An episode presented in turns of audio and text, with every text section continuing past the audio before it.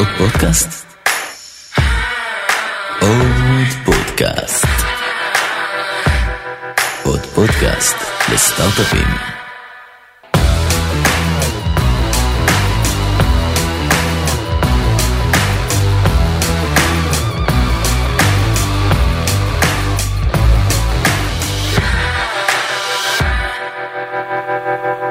אלון, אהלן, מעניינים, מה שלומך? מצוין, מצוין, מה קורה?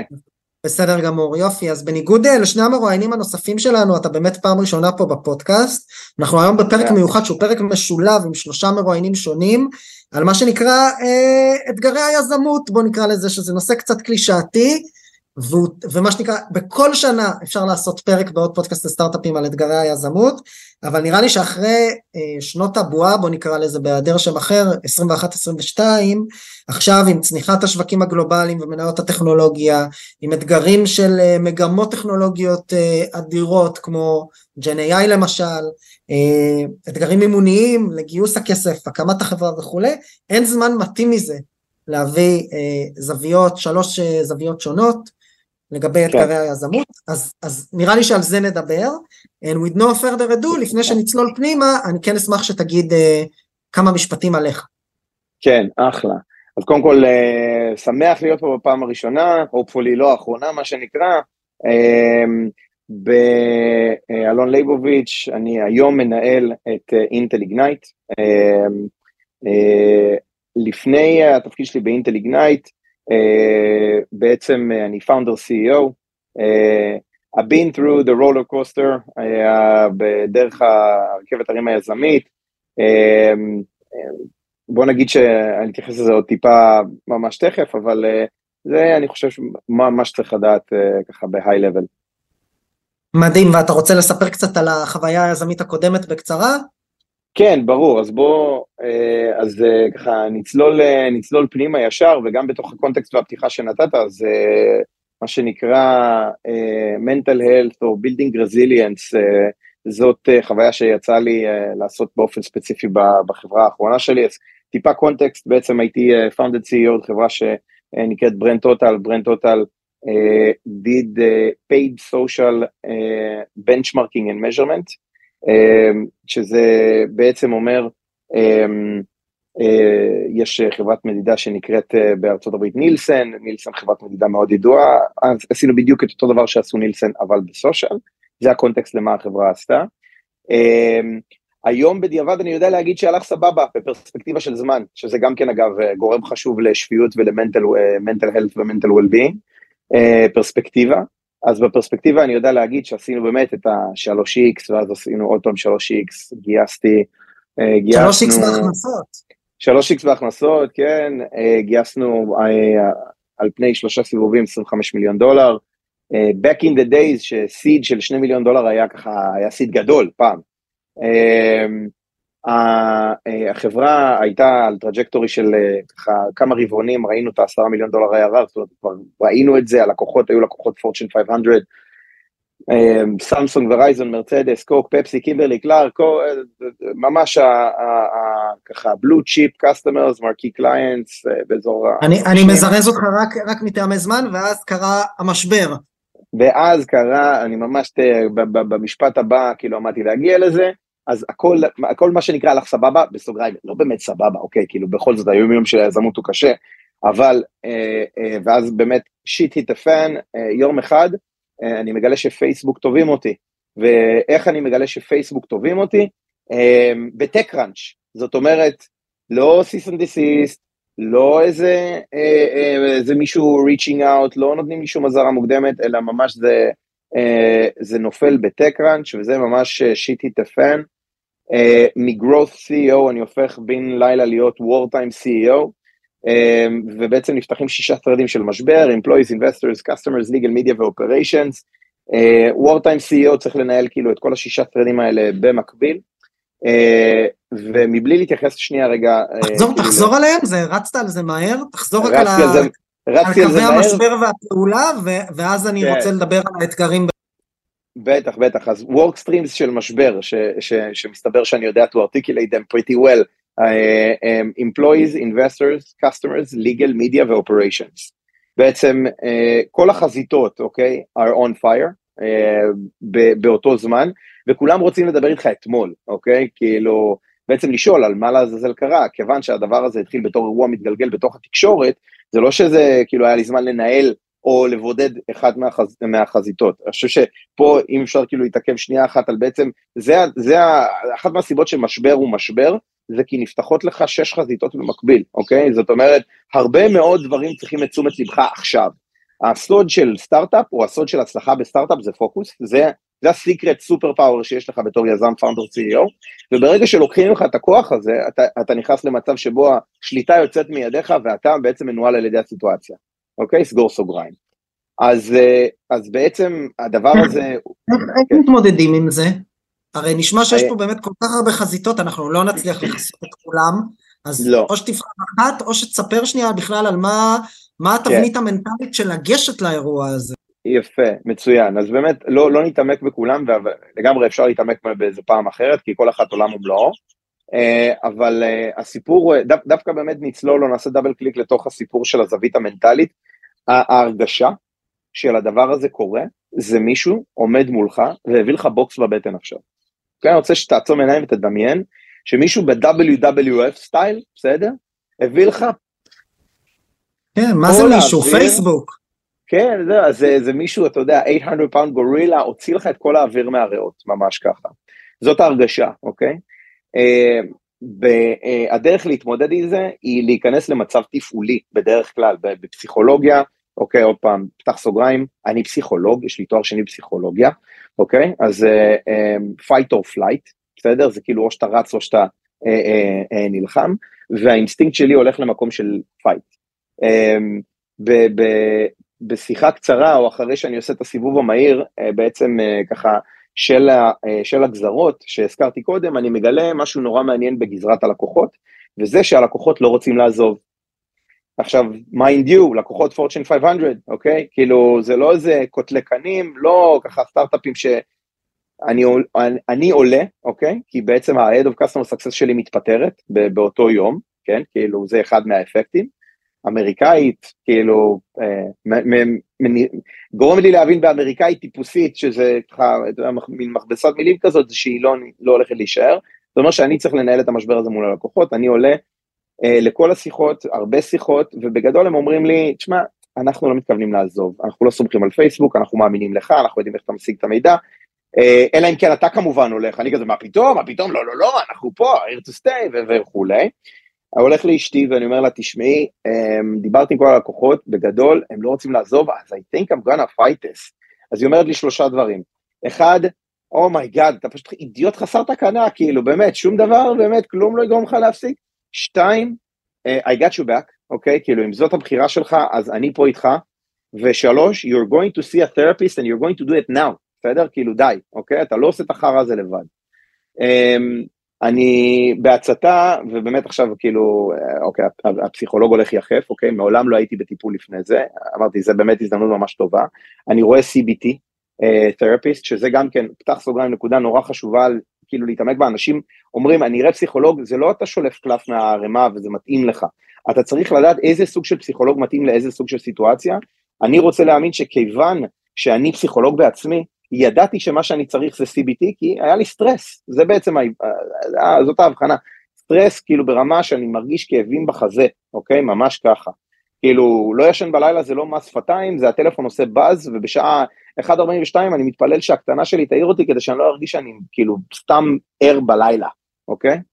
אה, הולך לפסיכולוג והוא אומר לי... אז אלון, רק כדי לארוז את, ה, את הטיפים, אה, הסיפור כן. הזה של אה, לטפל ושל כן. סביבה כן. תומכת, אני גם שומע בין השורות, זה נכון דברים שאתה ממליץ עליהם.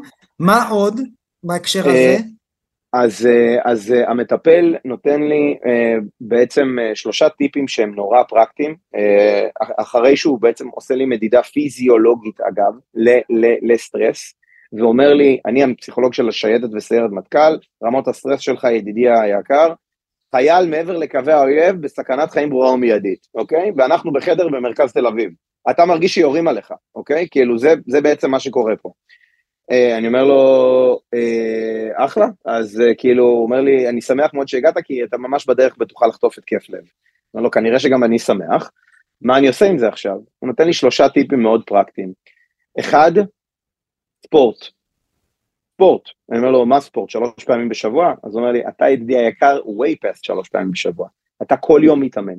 אתה מגיע להזעה, אוקיי? שזה בעצם הסיגנל שלך לפרקתי לחץ מהגוף. לחץ זה משהו פיזיולוגי, אוקיי? הוא מצטבר בגוף, ואתה צריך להגיע להזעה כל יום. עכשיו אני מדבר איתך תקופת קובי, בסדר? תוך כדי. בבית, אני עושה קטלבל מהילדים, פלאנצ'ים, סקווטים, אה, קופץ בחבל, whatever it is. מה שצריך. מגיע להזעה, מגיע להזעה. אז זה הטיפ מספר אחד, ספורט, אוקיי? פשוט ככה. אה, זה לא סתם שמנכ"לים מצליחים, אתה רואה שהם גם עושים איירון מן וגם uh, טריאטלטים וגם זה. הדבר הזה בא ביחד, אוקיי? אז זה הדבר הראשון. הדבר השני זה מיינדפולנס. מיינדפולנס, מדיטציה, אה, אוקיי, כאילו, צורות שונות לדבר הזה, אבל בעיקר זה הסטת הקשב, אוקיי, הפוקוס, חוזרים לסיפור הזה של פוקוס, שהופך את המנכ"ל להיות ממוקד במה שהוא צריך, צריך ויכול להתמודד איתו עכשיו. יש דברים שהם לא תלויים בך, והאובדן אה, האובדן שליטה הזה, זה בעצם מה שגורם לך לפחד או להבין שאתה לא יכול להתמודד עם הסיטואציה, אתה מחזיר לעצמך שליטה על הסיטואציה. מיינדפולנס מספר 2, מספר 3, אה, נשימות, אוקיי? גם כן זה אה, משהו שהולך נורא, מה נקרא בפסיכולוגיה בוטום-אפ, זאת אומרת, אתה, כיוון שהמוח לא מסוגל להבין שהוא נמצא, לעכל את הסיטואציה, אתה גורם לגוף, אוקיי, בעצם באמצעות נשימות, להרגיע את המוח.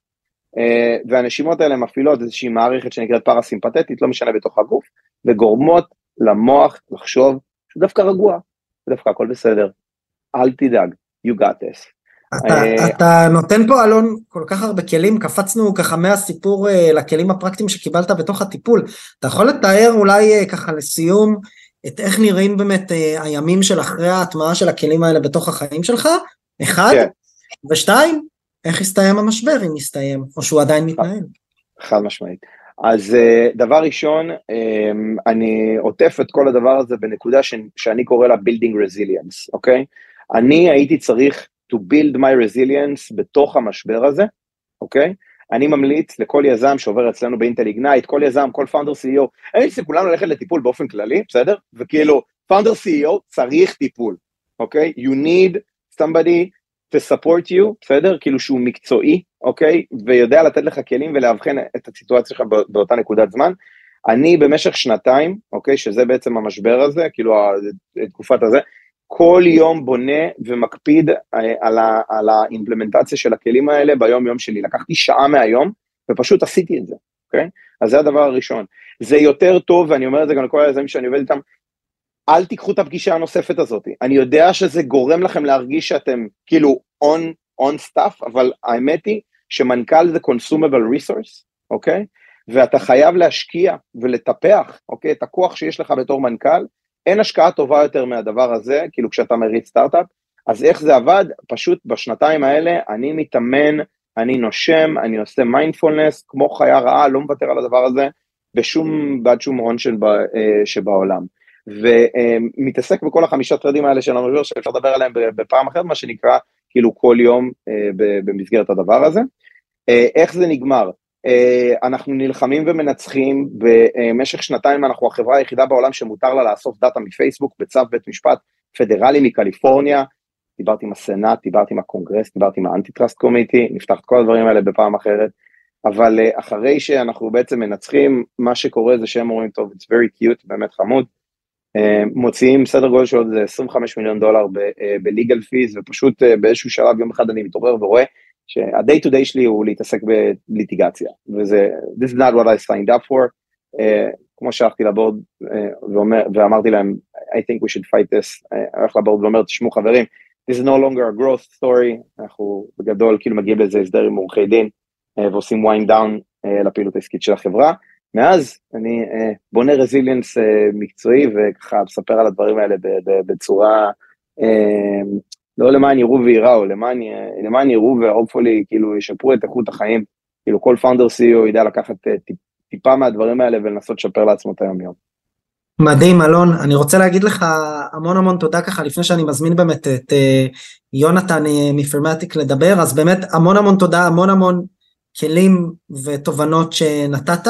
יונתן אתה מוזמן להצטרף אלינו uh, ואני בטוח שזה גם מצדיק, uh, מצדיק עבורנו שיחה נוספת ובלי קשר אני מחכה שתבוא לפגוש גם את היזמים שלנו בפיוז'ן ולדבר איתם על חד משמעית, יש לנו אחלה, אחלה סדנה מגניבה לאללה ב, אה, על, על ה-support system, בעצם באנגל המשפחתי, ונדבר על זה בשמחה, באהבה, תודה רבה על הזמן.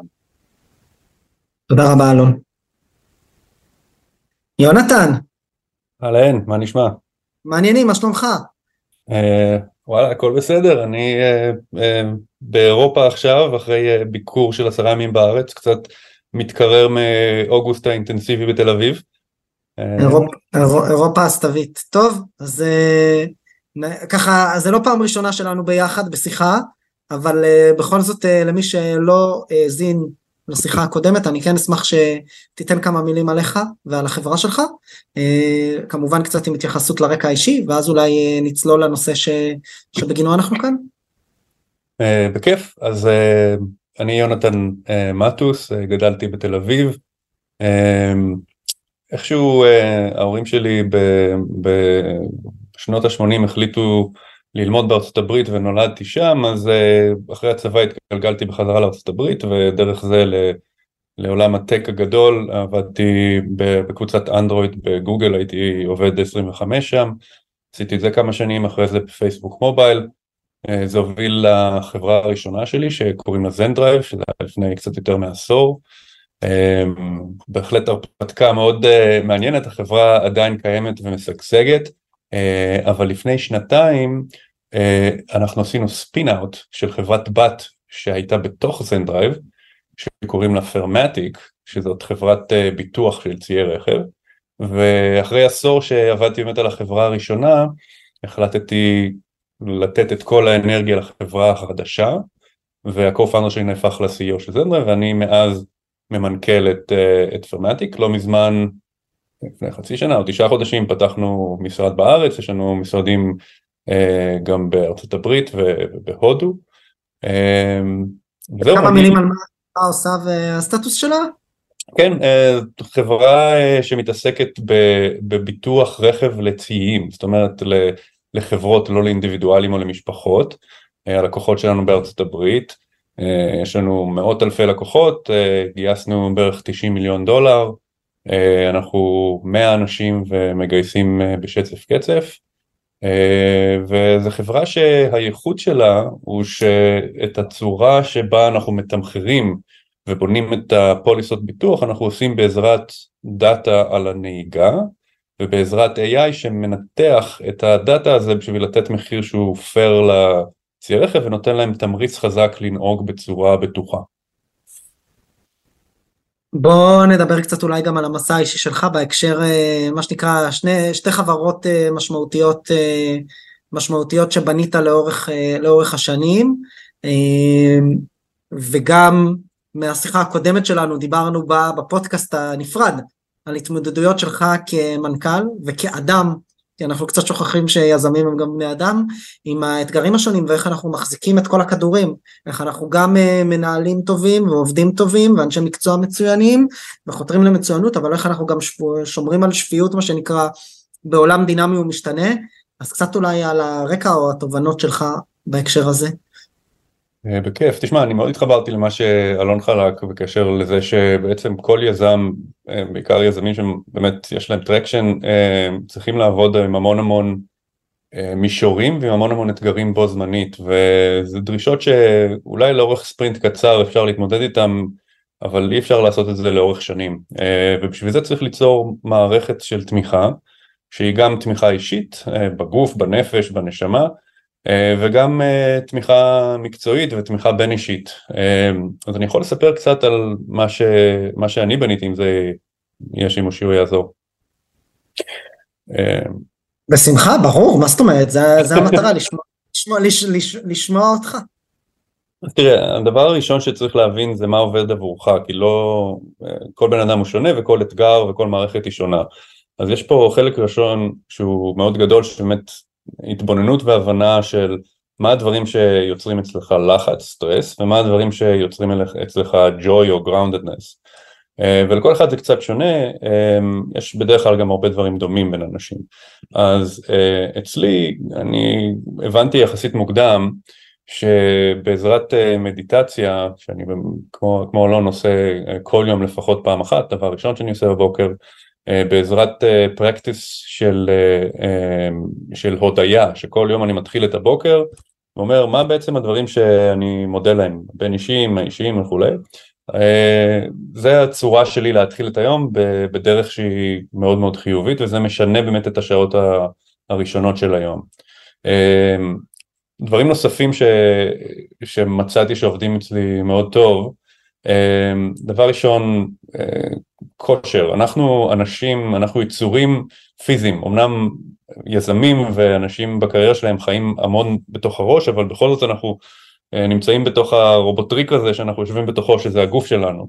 ולהשקיע בו ולשמר אותו זה נורא חשוב כי עבודה בסטרס מאוד גבוה היא אה, לאט לאט שוחקת את הגוף הזה אז אה, אני משתדל באופן יומי או לפחות חמש שש פעמים בשבוע ללכת ולעשות משהו בחדר כושר. uh, והמטרה היא באמת לזוז פחות uh, להיות בדי בילדר או משהו כזה אבל באמת להרגיש יותר טוב בגוף. וזה נורא חשוב האנדורפינים שיוצאים מזה.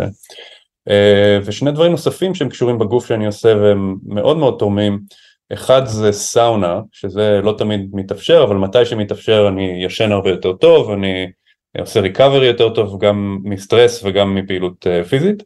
והדבר השני זה, זה אייס, אייס פלאנג', שעכשיו אני הבנתי זה נהיה קצת יותר... אה, זה עכשיו טרנדי, זה עכשיו... כן, טרנדי בארץ, אבל אני עושה את זה כבר כמה שנים. עם הזמן זה קצת עבר אבולוציה אצלי כי באמת להחזיק אה, אמבטיה מלאה בקרח בבית זה, זה חתיכת מחויבות אז uh, מה שגיליתי זה שאפשר לקבל 90% מה, מהבנפיטס אם אתה פשוט לוקח קערה וממלא אותה במי קרח ושם את הפנים בתוכו ל-30-40 שניות, התחושה הפיזיולוגית וגם התגובה של הגוף מבחינה של הורמונים אה, שמשתחררים היא מאוד דומה. אה, וזה איכשהו משהו שהבן שלי בן החמש ראה אותי עושה והתחיל עכשיו לעשות איתי וזה חלק מהריטואל הבוקר שלנו. תוכל להסביר את זה קצת? אה, את הסיפור הזה של אמבטיות קרח או בכלל רחיצה או מפגש עם מי קרח? למה זה כל כך משמעותי? אני מניח שזה קשור קצת גם לווימוף או שאני מבלבל. אני לא מקווה שאני לא כן, אה, הפרקטיס שאני עושה הוא לא של וימוף, אבל וימוף הוא בן אדם שבאמת הנגיש את זה להמון אנשים, אבל הרעיון של, אה, של טבילה במי קרח הוא שיש לך בגוף אה, מערכת, מערכת פיזיולוגית שמתי שמספיק קולטני חום בגוף מזהים שאתה נמצא בטמפרטורה מאוד מאוד נמוכה, הם משנים את ההורמונים ואת הניורוטרנסמיטרים שנמצאים בגוף שלך ומשנים בעצם את הדופק, את הקצב לב, אמ, וזה יוצר בגוף אה, משהו שיש לו השפעות מאוד מאוד חיוביות, יש לו השפעות של anti aging, יש פה השפעות שמורידות inflammation, אה, אה, שזה משהו שבדרך כלל הוא תוצאה ישירה של סטרס, והבונוס, ה cherry on top, זה שבערך חמש או עשר שניות אחרי שאתה יוצא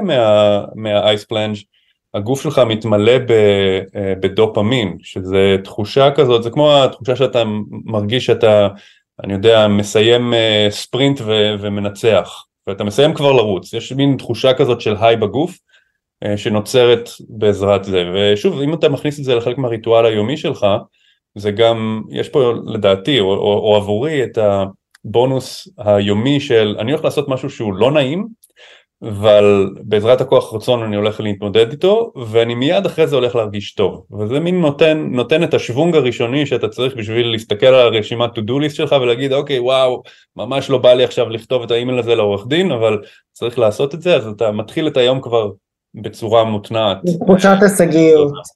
כן. ואתה אומר נתת פה טיפ מעניין שאני לא שמעתי של אה, לדחוף את הראש אה, בתוך קערה עם מי קרח, קערה פשוטה? כן, אה, קערה שהמים צריכים להגיע בערך עד האוזניים, אבל מסתבר שיש לך בפנים המון המון קולטנים של חום, ושההשפעה של זה על הגוף, אמנם היא לא חיובית כמו לשים את כל הגוף, אבל נותנת לך אולי 70% מהבנפיט, ובערך אחוז אחד מהקומיטמנט וההסל. אז הרשיו פה הוא מאוד חיובי וזה משהו שבאמת אתה יכול להגיד שאתה הולך לעשות כל יום. אה, ויש יש למחויבות הזאת של דברים שעושים כל יום ערך לדעתי מאוד גבוה. מעניין.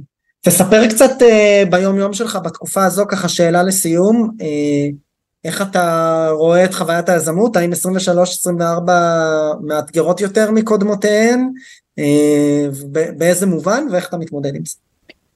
כן, תראה, אני, אני לא רוצה um, לא רוצה להשליך מהחוויה שלנו בפרמטיק או לחוויה שלי האישית על, על מה שקורה בשוק, אז אני אענה לך גם באופן אישי וגם על מה שקורה בשוק. אני אתחיל עם השוק. לדעתי השנה הקרובה תהיה קשוחה, אה, לפחות החצי שנה או תשעה חודשים הקרובים יהיו קשוחים. יש הרבה מאוד חברות וטלנט ורעיונות ואנשים שבאמת רצים אה, מרתונים ועכשיו פתאום נגמר הכסף והמשקיעים לא מוכנים אה, לעזור. יהיה הרבה סיפורים עצובים של אנשים שנאלצו למכור או לסגור את העסק בצורה לדעתי אה, שתאכזב אותם ותאכזב את כולם, בעיקר בגלל שבטווח הבינוני אני מאוד אופטימי. אני חושב שהכלכלה בארצות הברית מתמודדת יחסית יפה עם החזרה מה, אה, מהסכנות ועם ההתמודדות עם אינפלציה. אה, הדברים נהיים אחת על כמה וכמה יותר קשים בישראל בגלל באמת העניין של. אה, המהפכה המשפטית הזאת שנופלת עלינו שגם מעלה מאוד את הסטרס לכולם אבל גם ממש פוגעת באטרקטיביות של חברות ישראליות אז דברים שאולי בסיליקון וואלי יהיה קצת יותר קל לחזור מהם אה, בישראל יהיה יותר קשה או שזה ייקח עוד כמה רבעונים וזה ממש אני מצר על זה. אז מהבחינה הזאת אני חושב שהשנה הבאה עלינו בעיקר של הטק בישראל הולכת להיות אה, די קשוחה.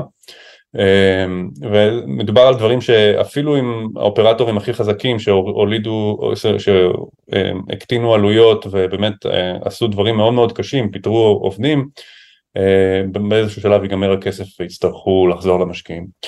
אה, בצד הפרטי שלי ושל פרמדיק אני הרבה יותר אופטימי, אנחנו גייסנו המון כסף דווקא בתקופה היותר קשה, אז יש לנו בבנק מספיק כסף בשביל להגיע לרווחיות ו...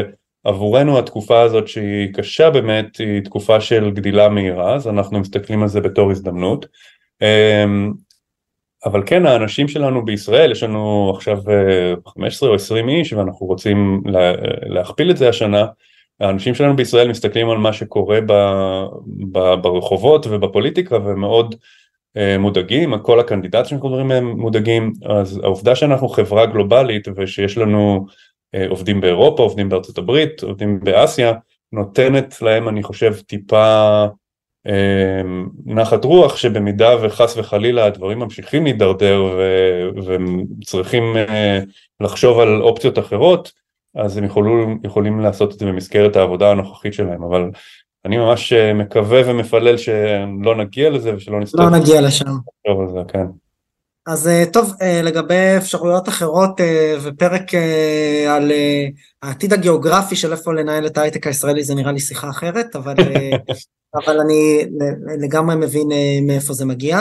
יונתן, אני רוצה להגיד לך המון המון תודה על הזמן, מאוד מעריך את זה שבאת לפה בפעם השנייה, בטח. והמון המון בהצלחה עם, ה, עם הגדילה המהירה. תודה, תודה רבה, תענוג, אני כל פעם שמח להצטרף. אה, אז אה, אני מקווה שתהיה פעם שלישית וגלידה. אז אה, תודה יונתן. יאללה ביי.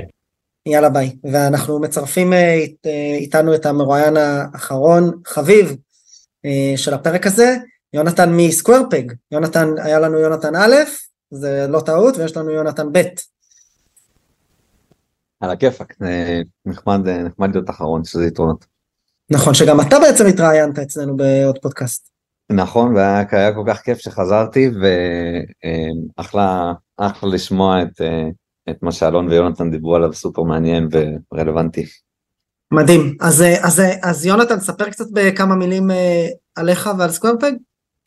בכיף, אה, Square Peg אה, זה קרן שמנהלת כמעט שלושה מיליארד דולר, משקיעה בישראל כמעט שליש מזה. אנחנו, יש לנו פה משרד כבר כמה שנים שגדל מאוד בשנים האחרונות. ואנחנו משקיעים בחברות בעיקר בשלבי seed ו-A, השקעות בולטות, Canva, Stripe, Fiverr ורבים וטובים. זהו, אני ב- בהיסטוריה שלי אישית אה, אה, חזרתי לארץ לפני אה, שלוש אה, ו- וקצת שנים אה, ל Square Peg.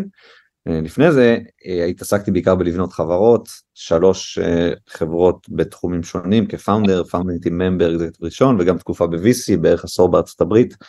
אה, וזה הסיפור של רוב הקריירה שלי, אז יצא לי באמת, שמחתי על, ה, על ההזמנה לבוא לדבר קצת על קשיים של יזמים, כי יצא לראות זה גם לחוות את זה כיזם, ששם הכאב הוא צורב ומוחשי ו- ויומיומי בהקשרים האלה. אה, המתוק יותר מתוק וה- והמר יותר מר. אה, וגם כמשקיע שמעורב ב... גם גם עם השקעות בכלל של הקרן וסיפורים שיוצא לי להיחשף אליהם וששותפים שלי מתייעצים איתי לגביהם וגם מחברות שאני עובד איתם אז אה, כל מיני זוויות וסופר אה, מעניין. אז נראה לי באמת אנחנו פה מדברים בעצם משני כובעים, נכון? אנחנו מדברים גם מהכובע של היזם לשעבר וגם מהכובע של משקיע הון סיכון על אתגריהם של יזמים או, או מה, מה, מה שנקרא איזה דברים רואים מכאן ולא רואים משם, מה אתה רואה היום כמשקיע שאולי הסתכלת עליו טיפה אחרת uh, בתקופתך כיזם ו, ולהפך. יא, בדיוק. אמ, אז מה אני רואה? נראה, לי שזו, גם הג'יסט, זו גם השאלה. זאת אומרת היום מהזווית שלך כמשקיע אתה רואה אתגרים שונים שיזמים אולי צריכים להתמודד איתם ולא מסתכלים עליהם בתחילת הדרך ולהפך כיזם כן, איזה הבנתי. אתגרים היו לך שאתה היית רוצה אולי שהמשקיעים שלך יהיו יותר אמפתיים אליהם. אמ, אני חושב שיש דברים שלפעמים נדמים לך כ... כיזם, אה, אפשר לתת דוגמה, דוגמה לדבר כזה, שכיזם נראה, נראה לך שצריך לנהוג בהם באופן א', וכשראית מספיק מקרים, אה, אתה מבין שצריך אה, להסתכל עליהם אחרת. אז אה, זה יכול להתחיל מנושאים של אה, אה, איך מסתכלים על סיטואציה שבה חברה גדלה ומצליחה לגייס כסף, מצליחה לייצר סיפור, מצליחה למשוך לקוחות, מצליחה אפילו שלקוחות יתעניינו ב- בלהשתמש במוצר ולפעמים אפילו גם, גם לשלם על המוצר והכל נראה שזה עולה ימינה ולמעלה, מתקדם בכיוון טוב, אבל בעצם כשאתה חופר בתוך החברה, ב, ב, אה, יצא לי להיות בחברה כזו ב- בעולם הקונסומר שפשוט התפוצצה ונהייתה ויראלית, מאות אלפי הורדות ביום, והכל נראה שצועד בכיוון נכון, אבל כחלק מהתפקיד שלי היה גם אה, להיות אחראי על הצוות דאטה, ובעצם אתה רואה term retention אה, יש בעיה, יש בעיה אמיתית, ואני רואה את זה, ובסיטואציה כזאת, אה, אני, אני זוכר בעצמות איך אה, היה לנו מאוד קשה להודות בכלל בפ- בפני העולם החיצון שיש אה, אה, בעיה, כי גם ה-revenue עולה, גם ה-usage עולה, אנחנו, unit economics חיובי, הכ- הכל לכאורה נראה טוב, אבל אתה מבין שאם נריץ את זה מספיק זמן קדימה, הדלי הדולף הזה יתפוס אותנו, ואכן זה, זה מה שקרה. ואני חושב שזה בדוגמה בקונסומר, ואני רואה את זה גם בחברות סאס, היום כמ- כמשקיע, uh, לפעמים שוב מחתימים לקוחות, מצליחים להתקדם, אבל ה- בעצם הצ'רן כבר מזדחל מלמטה, פשוט עוד לא רואים את זה, כי התפוג, התפוגה של החוזים עוד לא הגיעה. ובכל המצבים האלה זה אה, סיטואציה שהיום אני הרבה יותר מרגיש בנוח ל, ל, לדבר מאוד ב, בישירות וב, אה, ו, ולפעמים זה דורש גם אומץ להגיד חבר'ה זה צריך עכשיו להפנות הרבה משאבים כדי לפתור את הבעיה הזו. נראה שהדברים אה, עובדים Mhm. ויש הרבה פעמים פיתוי גם לבורד כ- כבורד להגיד לא אנחנו נפתור את זה בסוף אבל קודם כל נמשיך להוסיף עוד לקוחות. הכי חשוב שהרבניו ימשיך לצמוח שה-ARR ימשיך לצמוח שנוכל לגייס את הסיבוב הבא שנוכל להמשיך לשדר הצלחה. כדור השלג ימשיך להתגלגל ואנחנו נתפנה לפתור את הבעיה הבסיסית הזו לאורך הדרך והרבה פעמים ה- התשובה האמיתית היא דווקא בצד השני של לקפוץ לתוך האש הזו מוקדם מספיק אולי דווקא זה רק ייצר יותר נזק להמשיך להוסיף לקוחות, ייצר יותר נזק להמשיך להוסיף משתמשים, כי אתה שורף איזשהו משהו ובעיקר אתה לא, תמיד צריך להתפקס על משהו אחד, שניים שהחברה מסוגלת לעשות בזמן נתון, וסיטואציה כזו... אז מה שנקרא פוקוס ואתגרי הצמיחה, למרות שלנו כיזמים, זה מהזווית של היזם, זה נראה לנו כמו הדבר הכי חשוב, אז בעצם לשים לב שאנחנו לא גדלים מהר מדי. כן, זה, לא, זה, זה גם יותר מזה, אני חושב שיש לפעמים אה, פיתוי להגיד שה-the show must go on, ובמובן זה שיש לדברים דינמיקה משל עצמם, של, של גיוסים, של הגדלה, של כל הזמן להפגין חזות של צמיחה. אז אני שומע על העצות שאתה נותן אה, לגבי באמת ענייני הצמיחה, יונתן, ואני רוצה לדבר קצת על דינמיקות בין יזמים, שזה גם נושא שרצינו לדבר עליו. אה, אנחנו רואים הרבה בצוותים שלנו, לצורך העניין בפיוז'ן, אה, צוותים שמתפרקים, וצריך לדבר על זה, זה נושא שלא מדברים עליו מספיק. רוב הצוותים למעשה, או לא יודע אם סטטיסטית רוב, אבל הרבה צוותים לא יסיימו את דרכם באותו אופן שבו הם התחילו. אתה היום מהזווית שלך כיזם, או, או כיזם בעבר והיום כמשקיע, יש לך מה להגיד על זה? איך אנחנו יכולים להיערך לדבר הזה בצורה יותר טובה? לגמרי, אני חושב שזה נושא, נושא שגם יצא לי לחוות אותו בחברות ש, שהייתי חלק מהן וגם uh, כאופרייטור וגם חברות כמשקיע ושהקרן שלנו השקיעה בהן. Um, זה נושא כאוב וגם פה יש איזושהי נקודה כזו שלפעמים זה, זה כמו בנישואין, אתה יודע, יש לך בעיות בפנים, אתה מתקדם, רץ בעולם, אבל אה, שומר בעצם החוצה לפסאד שהדברים עובדים, אבל בעצם בפנים דברים לא עובדים כמו שצריך, ובסוף לפעמים זה מתפוצץ בכל רעש גדול. ואני חושב שגם כאן יש, יש כמה חלקים לזה, כמובן זה לבחור בשלב המוקדם עם מי אתה יוצא למסע הזה, וכן אה, אה, אצלי יש העדפה חזקה להיכרות יותר ארוכה בין ה... בין הצוות בגלל שאז הם יודעים איך, איך לריב ואיך לצאת מריב כמו שכל זוג יש לו את המכניקה של איך הוא רב אה, יש, ושל איך לצאת מהריב ככה גם בין, בין צוות מייסדים. ואני חושב ש... אבל לפעמים מגיעה איזושהי נקודה שהניסויים פשוט לא עובדים וזה יכול לקרות מסיבות שונות והרבה פעמים גם שם הנטייה היא to, to keep the, the show going שבעצם טובת הילד היא לפרק. גם טובת בני הזוג, אבל לפעמים גם טובת הילד, שבמקרה הזה זה החברה, היא לפרק. ואני חושב שהנקודה הזו מגיעה בדרך כלל כשיש איזושהי שבירה חזקה של אמון אה, ש, שקורית, אה, שמנסים לתקן אותה ומנסים לעשות לה שינוי כיוון ו- ולא מצליחים, ולפעמים זה קורה מסיטואציה שיש value אה, שכבר, שפאונדר מסוים נתן לאורך שלב ראשוני של החברה וכבר לא יכול להמשיך אה, לספק value ממשי להמשך הדרך לעוד הרבה שנים שנשארו לחברה. ו, ולפעמים זה פשוט במקרה ששני פאונדרים דומיננטיים חושבים שצריך לקחת את החברה בכיוון מאוד מאוד שונה.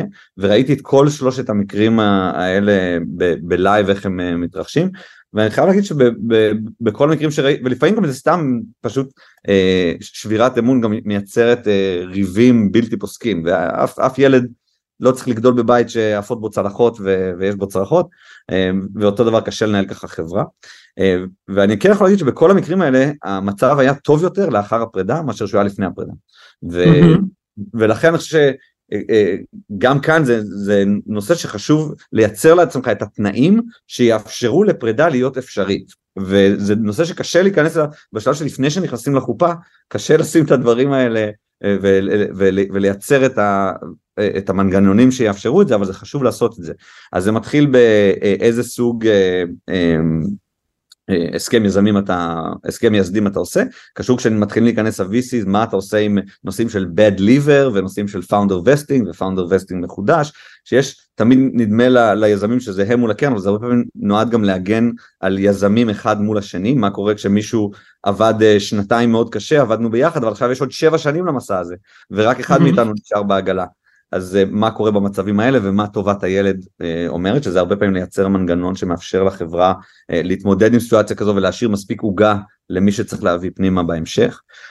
וזה גם קשור מאוד אני חושב, בכל המקרים של פרידה בין יזמים ראיתי מעורבות גדולה של הבורד. וזה נקודה אני חושב ממש חשובה של איזה סוג חבר בורד אתה בוחר, איזה סוג של קשר אתה מייצר לא רק למנכ"ל אלא גם לשאר הצוות המייסד עם אותו חבר בורד, שגם במהלך אה, תהליך ההשקעה וגם אה, אחרי זה בעבודה שותפת עם החברה, יש קשר שהוא יותר מרק המנכ"ל עם אותו בן אדם כדי שיהיה אמון לעוד אנשים אה, מסביב לשולחן בבן אדם הזה, כי לפעמים הוא מגיע ונהיה הבורר או המגשר ו, נכון. אה, והוא הסוג של, סוג של מבוגר אחראי שמצליח לעשות קצת יותר זום אאוט, הרגשות אצלו הוא, אה, אולי טיפה להבה יותר נמוכה סביב הסיטואציה והמצבים האלה אני מצאתי שתפקיד זה אחד הנקודות הכי משמעותיות של בורד חזק ואמין ותומך ו...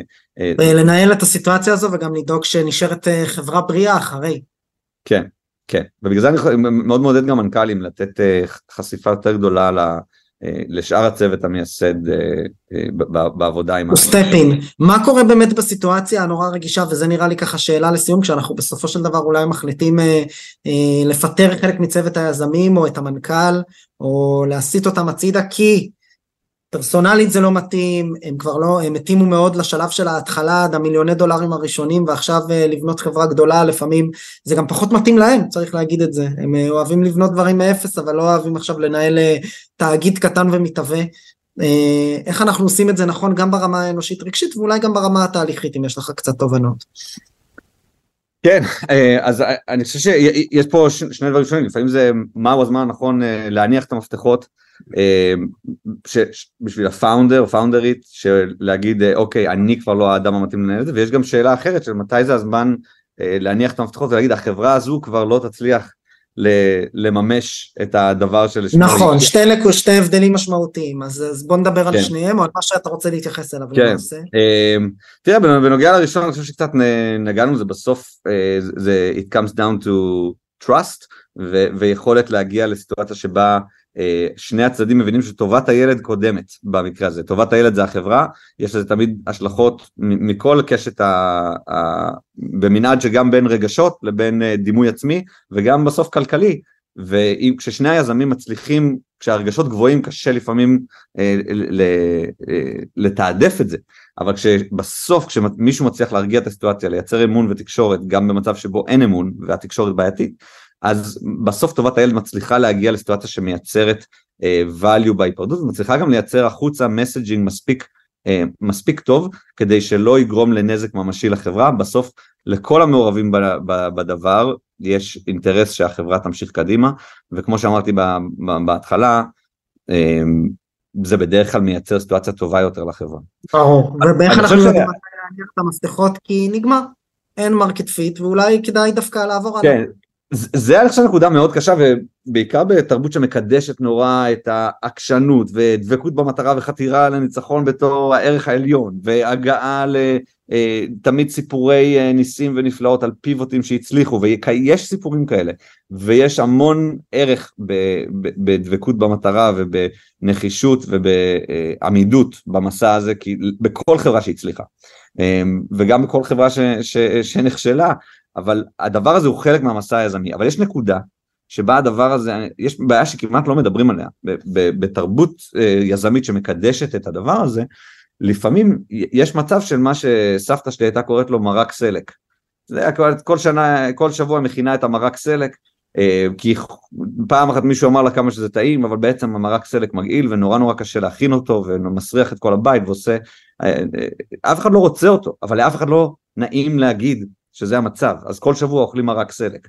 ויש יזמים שנתקעים שנים, שנים בתוך לופ של חברה שכבר לא תצליח לממש אה, שום אחוז משמעותי מה, מהפוטנציאל שקיוו שהיא תממש, אה, ומנכ"ל שנמצא בתוך סיר לחץ מטורף, שבו הוא מרגיש אחריות לעובדים שלו, ומרגיש אחריות לכסף שהמשקיעים שמו אצלו, ומרגיש אה, מחויבות לערך העצמי שלו, והקושי להגיד הדבר כשל, הדבר נכשל. והרבה פעמים ובורדים שמתקשים לבוא ו, ולהגיד בצורה ברורה אוקיי יש פה אפשרות to salvage איזשהו value אבל כמה שנים לתוך מצב כזה של אה, מזעור נזקים וחיתוכים חוזרים ונשנים וחוזרים ונשנים לפעמים מגיעה הנקודה שבה דרוש אומץ ל, ל, שמישהו יגיד בעצם המלך הוא עירום. וכנות, וכנות פנימית הייתי אומר. כן, וגם יכולת, וגם צורך לשלם מחיר, כי גם אותו שותף ב-VC צריך ללכת ולהגיד את זה מול השותפים שלו, וגם אותו יזם צריך ללכת להגיד את זה לכל המעגל שלו ולעובדים שלו, ו- וגם אותם עובדים, זאת אומרת, בסוף יש פה, יש מחירים לשלם, אבל גם במקרה הזה, אני חושב שבסוף התועלת אה, עולה על הנזק, וחשוב להבחין מתי מגיעה הנקודה הזאת, ואני לא אשכח רגע אחד שבו הייתי בבורד שהיו בו גם אה, מש... כמה משקיעים מוכרים, גם אמריקאים, גם ישראלים, ובעצם אה, היה ברור שהקרן האמריקאית רוצה שהסיפור הזה ימשיך עוד כמה שיותר זמן כדי לא לחזור אחורה ולהודות ב... בזה שבעצם הדבר ירד לקרוב לאפס. ו, אה, ודווקא משקיע אחד בכיר ישראלי שאמר במין נאום חוצב להבות, אה, אני, אני חושב שזה, שיש דברים, אמר למנכ"ל, אני חושב שיש דברים יותר טובים שאתה יכול לעשות עם הזמן שלך, וכשכולנו יכולים לעשות עם הזמן שלנו. ולזכור ו... שכל מסע יזמי גם מוצלח נמשך 7, 10, 12, 15 שנה, אנחנו לא יכולים להקים אינסוף חברות בקריירה שלנו, וצריך להחליט למה אנחנו מקדישים את הזמן. כן, וההוצאת אוויר הזאת פשוט שינתה את הטראג'קטורי של, ה, של הסיטואציה, גרמה, ובסוף, בסוף הובילה, ל, אני חושב, ל, ל, ל, ל, למצב הרבה יותר טוב לכל מי שהיה מעורב בדבר. יונתן, אני רוצה להגיד לך המון המון תודה על הזמן שלך, מאוד נהניתי מהתובנות האלה, וזהו, אני מקווה שנתראה בפעם השלישית בקרוב. אינשאללה, תודה רבה גיא, תמיד כיף. תודה רבה. חברות וחברים, תודה רבה שנשארתם עד סוף הפרק והאזנתם לי. אני מקווה מאוד שהפרק העשיר אתכם ולימד אתכם משהו חדש, ואם הרגשתם שלקחתם משהו מהפרק הזה, אני ממש אשמח שתשתפו אותו ואת הפודקאסט בכלל, כדי שעוד יזמות ויזמים בתחילת הדרך בישראל יוכלו ללמוד על איך להקים ולהתחיל את הסטארט-אפ שלהם. אם אתם רוצות ורוצים לשמוע עוד פרקים, אני מזמין אתכם להירשם למעקב. כל הלינקים למעקב אחרי הפודקאסט שלנו מופיע ב description, וכמובן אתם מוזמנים לפנות אליי. או בלינקדאין או באינסטגרם ולספר לי איך נהניתם מהפרק ומה למדתם, או סתם לכל בקשה ותהייה, גם הלינקים האלה מופיעים אצלנו בפודקאסט. תודה רבה ונתראה בפרק הבא.